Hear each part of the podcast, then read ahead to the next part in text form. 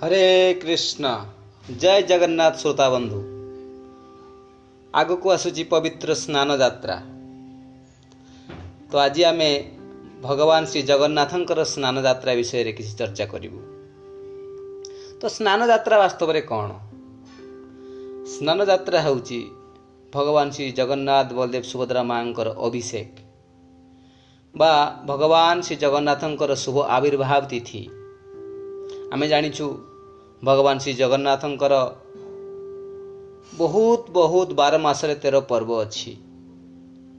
ଏବଂ ସବୁଠୁ ବଡ଼ ପର୍ବ ହେଉଛି ଭଗବାନଙ୍କର ଘୋଷଯାତ୍ରା ବା ରଥଯାତ୍ରା। ତ ସେମିତି ଆଉ ଗୋଟେ ବଡ଼ ପର୍ବ ହେଉଛି ସ୍ନାନ ଯାତ୍ରା କାରଣ କାରଣ ଏହିକି ଯେ କେବଳ ବର୍ଷରେ ଦୁଇଟା ହିଁ ଏମିତିକା ପର୍ବ ଯେଉଁଥିରେ ଭଗବାନ ସ୍ୱୟଂ ତାଙ୍କର ଶ୍ରୀମନ୍ଦିରରୁ ବାହାରକୁ ଆସନ୍ତି। ଏବଂ ଭଗବାନ ଜଗତର ନାଥ ଜଗନ୍ନାଥ ନିଜକୁ ଜଗତର ନାଥ ବୋଲି ପ୍ରତିପାଦନ କରନ୍ତି ଜଗତବାସୀକୁ ଦର୍ଶନ ଦେଇକି। ସାଧାରଣତଃ ଦେଖୁ ଅନେକ ମେଳେଛ ବା ଯବନ ଯେଉଁମାନଙ୍କର ସେ ସୌଭାଗ୍ୟ ନାହିଁ ଶ୍ରୀମନ୍ଦିର ଭିତରକୁ ପ୍ରବେଶ କରିକି ଜଗନ୍ନାଥଙ୍କର ଦର୍ଶନ ପାଇପାରିବେ। ସେମାନଙ୍କ ପାଇଁ ତଥା ଜଗତବାସୀ ସମସ୍ତଙ୍କ ପାଇଁ ଭଗବାନ କୃତାର୍ଥ କରିବା ପାଇଁ କୃପା କରିବା ପାଇଁ ବର୍ଷରେ ଦୁଇଥର ରଥଯାତ୍ରା ଏବଂ ସ୍ନାନ ଯାତ୍ରାରେ ବାହାରକୁ ଆସିଥାନ୍ତି। ଏବଂ ପୁରା ରଥଯାତ୍ରାର ଯେଉଁ ସିକ୍ୱେନ୍ସ ବହୁତ ସାରା ରଥଯାତ୍ରାରେ ବହୁତ ପ୍ରକାର ଷ୍ଟେପ୍ ଅଛି। ତା ଭିତରେ ପ୍ରାରମ୍ଭ ହେଉଛି ସ୍ନାନ ଯାତ୍ରା ସ୍ନାନ ଯାତ୍ରା ତାପରେ ଆସିବ ରଥ ରଥଯାତ୍ରା ପୂର୍ବରୁ ପହଣ୍ଡି ପହଣ୍ଡି ପରେ ପୁଣି ଆସିବ ଆମର ବାହୁଡ଼ା ଯାତ୍ରା ଏମିତି ଅନେକ ପ୍ରକାର ପ୍ରଥା ଅଛି। ଆଉ ପ୍ରାରମ୍ଭ ହେଉଛି ସ୍ନାନ ଯାତ୍ରାରୁ ତ ସ୍ନାନ ଯାତ୍ରାର ବିଶେଷ ମାହାତ୍ମ୍ୟ କେମିତି?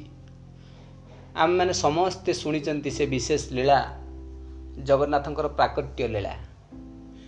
ଆଗରୁ ଆମେ ଚର୍ଚ୍ଚା ମଧ୍ୟ କରିଥିଲେ ଜଗନ୍ନାଥଙ୍କର ଏଇ ଅଧାଗଡ଼ା ରୂପର ରହସ୍ୟ କ'ଣ?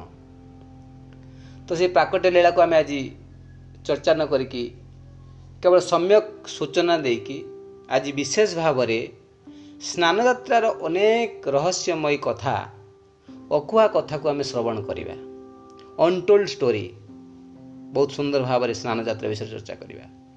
ତଥାପି ସମ୍ୟକ ଭାବରେ ବେକ୍ ଷ୍ଟୋରି ଏଇଆ ଯେ ଜଗନ୍ନାଥଙ୍କର ଇଚ୍ଛା କ୍ରମେ ଜଗନ୍ନାଥଙ୍କର ସ୍ୱଇଚ୍ଛାରେ ଜଗନ୍ନାଥ ଜଗତବାସୀଙ୍କୁ ତାଙ୍କର ଏଇ ରୂପ ଦେଖାଇବା ପାଇଁ ଯାଉଛନ୍ତି। ଆଉ ଏ ଲୀଳାରେ ତାଙ୍କର ଅତି ପ୍ରିୟ ଭକ୍ତ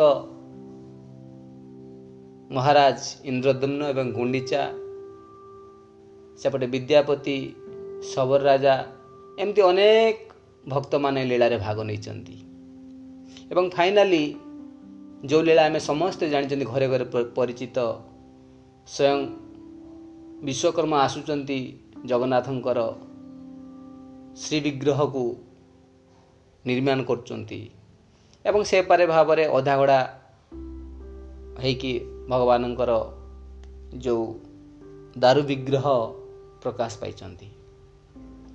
ତାପରେ ଶ୍ରୀମନ୍ଦିର ବନା ହେଇଛି ଏବଂ ସେ ଶ୍ରୀମନ୍ଦିରରେ ଜଗନ୍ନାଥଙ୍କର ଇନଷ୍ଟଲେସନ୍ ପାଇଁ ବା ଜଗନ୍ନାଥଙ୍କର ପ୍ରଥମ ଆରତି କରିବା ପାଇଁ ସ୍ୱୟଂ ବ୍ରହ୍ମାଜୀଙ୍କୁ ନିମନ୍ତ୍ରଣ ପାଇଁ ଯାଇଛନ୍ତି କିଏ? ଇନ୍ଦ୍ରଦେମ୍ନ ରାଜା। ଯେତେବେଳେ ବ୍ରହ୍ମାଜୀଙ୍କୁ ନିମନ୍ତ୍ରଣ କରିବା ପାଇଁ ଯାଇଛନ୍ତି ସେତେବେଳେ ସେମିତିକା ସାଧୁ ମହାତ୍ମା ଥିଲେ ବା ସେମିତିକା ବ୍ୟକ୍ତିତ୍ୱ ଥିଲେ ଯେଉଁମାନେ ଏଇ ମର୍ତ୍ତ୍ୟ ଶରୀରର ଦେହ ନେଇକି ବି ବ୍ରହ୍ମଲୋକ ପର୍ଯ୍ୟନ୍ତ ଯାତ୍ରା କରିପାରୁଥିଲେ। ଆଉ ସେମିତିକା ଜଣେ ତଥାକଥିତ ଭକ୍ତ ହେଉଛନ୍ତି ମହାରାଜ ଇନ୍ଦ୍ରଦମ୍ନ ବହୁତ ପୁଣ୍ୟବାନ ରାଜା ଥିଲେ ସିଏ। ତ ସେ ଯାଇକି ପହଞ୍ଚୁଛନ୍ତି ବ୍ରହ୍ମଲୋକରେ ଏବଂ ବ୍ରହ୍ମଦେବଙ୍କୁ ସାକ୍ଷାତ ନିମନ୍ତ୍ରଣ କରୁଛନ୍ତି। ହେ ବ୍ରହ୍ମଦେବ ଆପଣ ତ ସବୁ ଜାଣିଛନ୍ତି ଏବଂ ମୁଁ ଆପଣଙ୍କୁ ଆସିଛି ସାଦର ନିମନ୍ତ୍ରଣ କରିବା ପାଇଁ। ଆପଣ ଆସନ୍ତୁ ଏବଂ ଭଗବାନଙ୍କର ମନ୍ଦିରରେ ଶୁଭ ଉଦ୍ଘାଟନ କରନ୍ତୁ ଏବଂ ଆପଣଙ୍କର ସ୍ୱହସ୍ତରେ ଜଗନ୍ନାଥଙ୍କର ପ୍ରଥମ ଆରତି ଆପଣ କରନ୍ତୁ। ଠିକ୍ ଅଛି? ତ କିନ୍ତୁ ଏଇଠି ଗୋଟେ ବହୁତ ବଡ଼ ବ୍ୟତିକ୍ରମ ହେଇଯାଇଛି। ବ୍ରହ୍ମାଜୀ ମନେ ପକାଇ ଦେଉଛନ୍ତି ତାଙ୍କୁ ମହାରାଜ ଇନ୍ଦ୍ରଦିମିନକୁ ଠିକ୍ ଅଛି? ତୁମେ ଡାକିଲ ଠିକ୍ ଅଛି ମୁଁ ତୁମ ପଛେ ପଛେ ଆସୁଛି। କିନ୍ତୁ ତୁମେ ଜଲ୍ଦି ଯାଅ ଶୀଘ୍ର ଯାଅ ମର୍ତ୍ତ୍ୟ ଲୋକରେ ବହୁତ ବଡ଼ ବିଭ୍ରାଟ ହେଇଯାଇଛି କ'ଣ ବିଭ୍ରାଟ ହେଇଯାଇଛି ସେ କହିଲେ ତୁମେ ଯାଅ ତୁମେ ଗଲେ ବୁଝିପାରିବ ଏବଂ ତତ୍କ୍ଷଣାତ୍ ମହାରାଜ ଇନ୍ଦ୍ରଦ୍ୟୁମ୍ନ ପୁଣି ଫେରୁ ଫେରୁଛନ୍ତି ମର୍ତ୍ତ୍ୟ ଲୋକକୁ ଆଉ ଯେତେବେଳେ ଦେଖୁଛନ୍ତି ଆସିକି ମର୍ତ୍ତ୍ୟ ଲୋକରେ ବାସ୍ତବରେ ବହୁତ ବଡ଼ ବିଭ୍ରାଟ ହେଇଯାଇଛି କ'ଣ ସେ ବିଭ୍ରାଟ ଯେତେବେଳେ ଯେଉଁ ପରିସ୍ଥିତିରେ ଇନ୍ଦ୍ରଦ୍ୟୁମ୍ନ ରାଜା ଯାଇଥିଲେ ଛାଡ଼ିକି ମନ୍ଦିର ସେ ଯୁଗ ନାହିଁ କି ସେ ଦିନ ନାହିଁ କି ସେ ଲୋକମାନେ କେହି ନାହାନ୍ତି। କେତେ କେତେ ଯୁଗ ବିତିଗଲାଣି। ତାର କାରଣ ଆମର ଏଠିକାର ଟାଇମ୍ ପିରିୟଡ଼ ଆଉ ମତ୍ୟ ଲୋକର ଦିନଚର୍ଯ୍ୟା ବା ସମୟ ସୀମା ବ୍ରହ୍ମଲୋକର ସମୟ ସୀମା ସାଥିରେ ସମାନ ନୁହେଁ। ବ୍ରହ୍ମଲୋକରେ ଗୋଟିଏ ମୁହୂର୍ତ୍ତ ଏଠି କେତେ କେତେ ଯୁଗ ବିତି ଚାଲିଯିବ। ତ ସେଇଟା କେତେ ଅନ୍ୟ କେତେ କେବେ ଆମେ ଚର୍ଚ୍ଚା କରିବା ଯେ ୟୁନିଭର୍ସାଲ ଟାଇମ୍ ପିରିୟଡ଼ର କାଲକୁଲେସନ୍ କେମିତି ହୁଏ। ସେଇଟା ଅନ୍ୟ କେତେବେଳେ ଏପିସୋଡ଼ରେ ଆମେ ଚର୍ଚ୍ଚା କରିବା। ତ ଆଜି ଆମେ ଖାଲି ଏତିକି ବୁଝିବା ଯେତେବେଳେ ମହାରାଜ ଇନ୍ଦ୍ରଦ୍ୟୁମ୍ନ ଯାଇକି ବ୍ରହ୍ମଲୋକରେ ପହଞ୍ଚିଛନ୍ତି ଏବଂ ଆସିଛନ୍ତି ଏତିକି ଭିତରେ ଏଠି ଅନେକ ଅନେକ ଯୁଗ ବିତିଗଲାଣି ଅନେକ ଅନେକ ବର୍ଷ ବିତିଗଲାଣି। ଆଉ ଯେତେବେଳେ ଆସିକି ଇନ୍ଦ୍ରଦ୍ୟୁମ୍ନ ଦେଖୁଛନ୍ତି ତାଙ୍କ ସମସାମୟିକ ବ୍ୟକ୍ତିତ୍ୱ କେହି ନାହିଁ ସେଠି। ଏବଂ ସେଠି ସେ ମନ୍ଦିରକୁ ଜଣେ ଆଉ ଜଣେ ରାଜା ଗାଲମାଧବ ନାମକ ଜଣେ ରାଜା ସିଏ ସେ ମନ୍ଦିରକୁ ଅକୁପାଇ କରିଛନ୍ତି। ଆଉ ଯେତେବେଳେ ଇନ୍ଦ୍ରଦ୍ୟୁମ୍ନ କହୁଛନ୍ତି ମହାରାଜ ଇନ୍ଦ୍ରଦ୍ୟୁମ୍ନ ଯେ ଏଇଟା ମୋ ମନ୍ଦିର ମୁଁ ତିଆରି କରିଥିଲି। ତ ଗାଲ ମାଧବ ଏବଂ ଇନ୍ଦ୍ରଦ୍ୟୁମ୍ନଙ୍କ ମଧ୍ୟରେ ବହୁତ ପ୍ରକାର ତର୍କ ବିତର୍କ ହେଇଛି ଏବଂ ଫାଇନାଲି ସେଠି କାକଭୂଷଣ୍ଡି ଯିଏକି ପ୍ରତ୍ୟକ୍ଷଦର୍ଶୀ ସେତେବେଳଠୁ ଥିଲେ ସିଏ ସିଏ ଆସିକି ସାକ୍ଷ୍ୟ ଦେଉଛନ୍ତି। ଏବଂ ଫାଇନାଲି ଏ ସମସ୍ୟାର ସମାଧାନ ହେଉଛି ଏବଂ ଇନ୍ଦ୍ରଦମ୍ନ ମହାରାଜ ମନ୍ଦିରର ଶୁଭ ଉଦ୍ଘାଟନର ସମସ୍ତ ପ୍ରକ୍ରିୟା ପ୍ରାରମ୍ଭ କରୁଛନ୍ତି।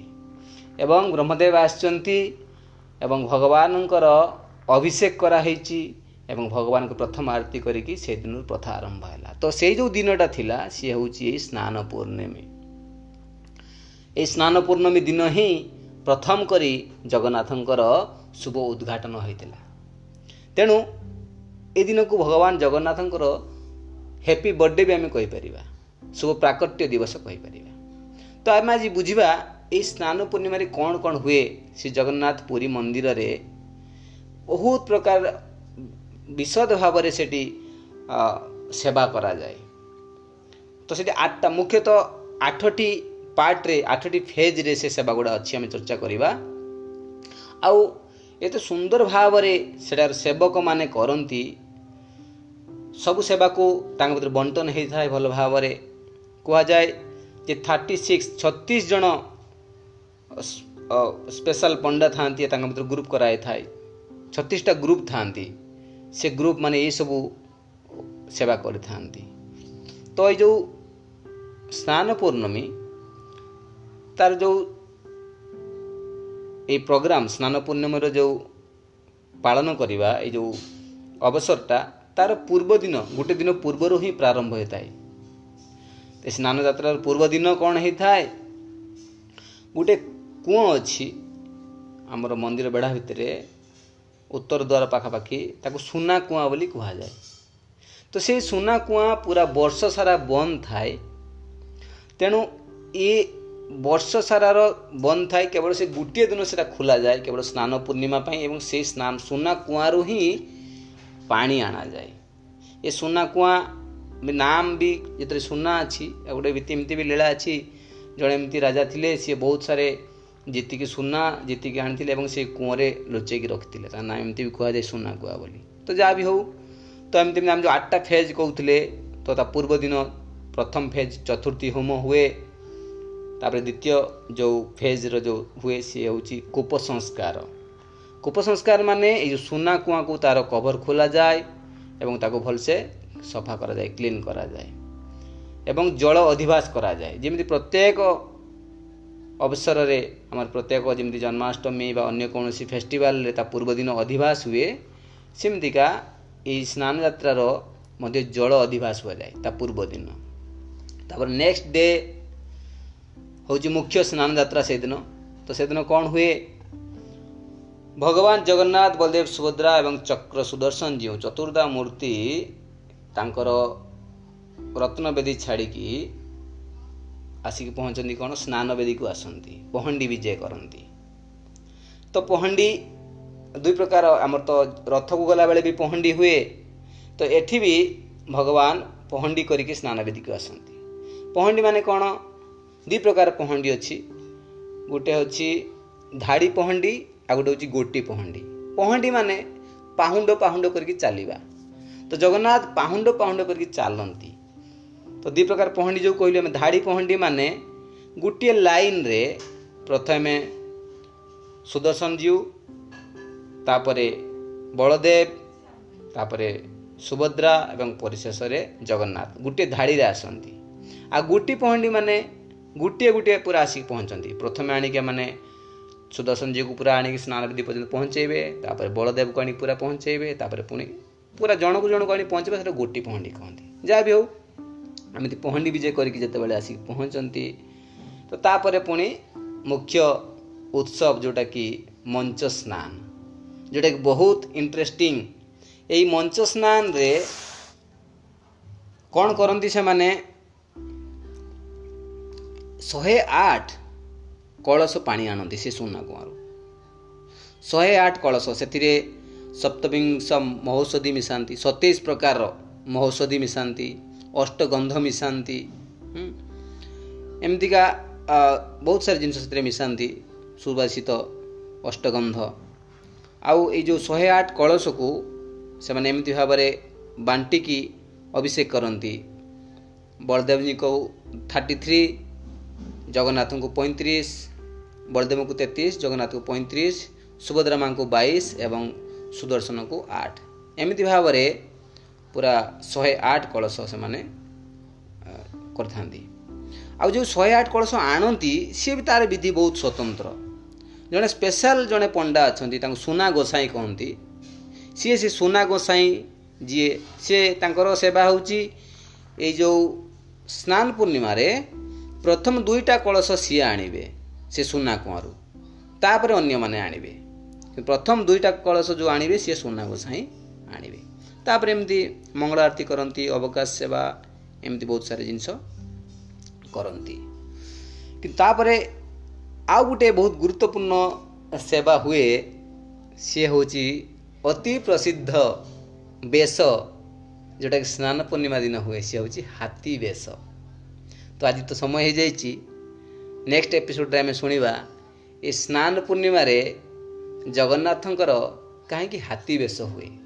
ବହୁତ ସୁନ୍ଦର ଗୋଟେ ଷ୍ଟୋରି ଅଛି ଲୀଳା ଅଛି ଏଇଟା ସତରଶହ ଶତାବ୍ଦୀରେ ହେଇଥିଲା ଏ ଲୀଳାଟି ସତ୍ୟ ଘଟଣା ଉପରେ ଆଧାରିତ। ସେଇଦିନ ପାଖରୁ ଭଗବାନ ଜଗନ୍ନାଥଙ୍କର ଇଚ୍ଛାକ୍ରମେ ଏଇ ଲୀଳା ଆଜି ପର୍ଯ୍ୟନ୍ତ ହେଇ ଆସୁଛି ଏବଂ ଏଇ ସୁନା ହାତୀ ବେଶ ଯେଉଁଟାକି ସ୍ନାନ ପୂର୍ଣ୍ଣିମାରେ ହୁଏ ଏ ହାତୀ ବିଷୟରେ ଆମେ ନେକ୍ସଟ ଏପିସୋଡ଼ରେ ଚର୍ଚ୍ଚା କରିବା।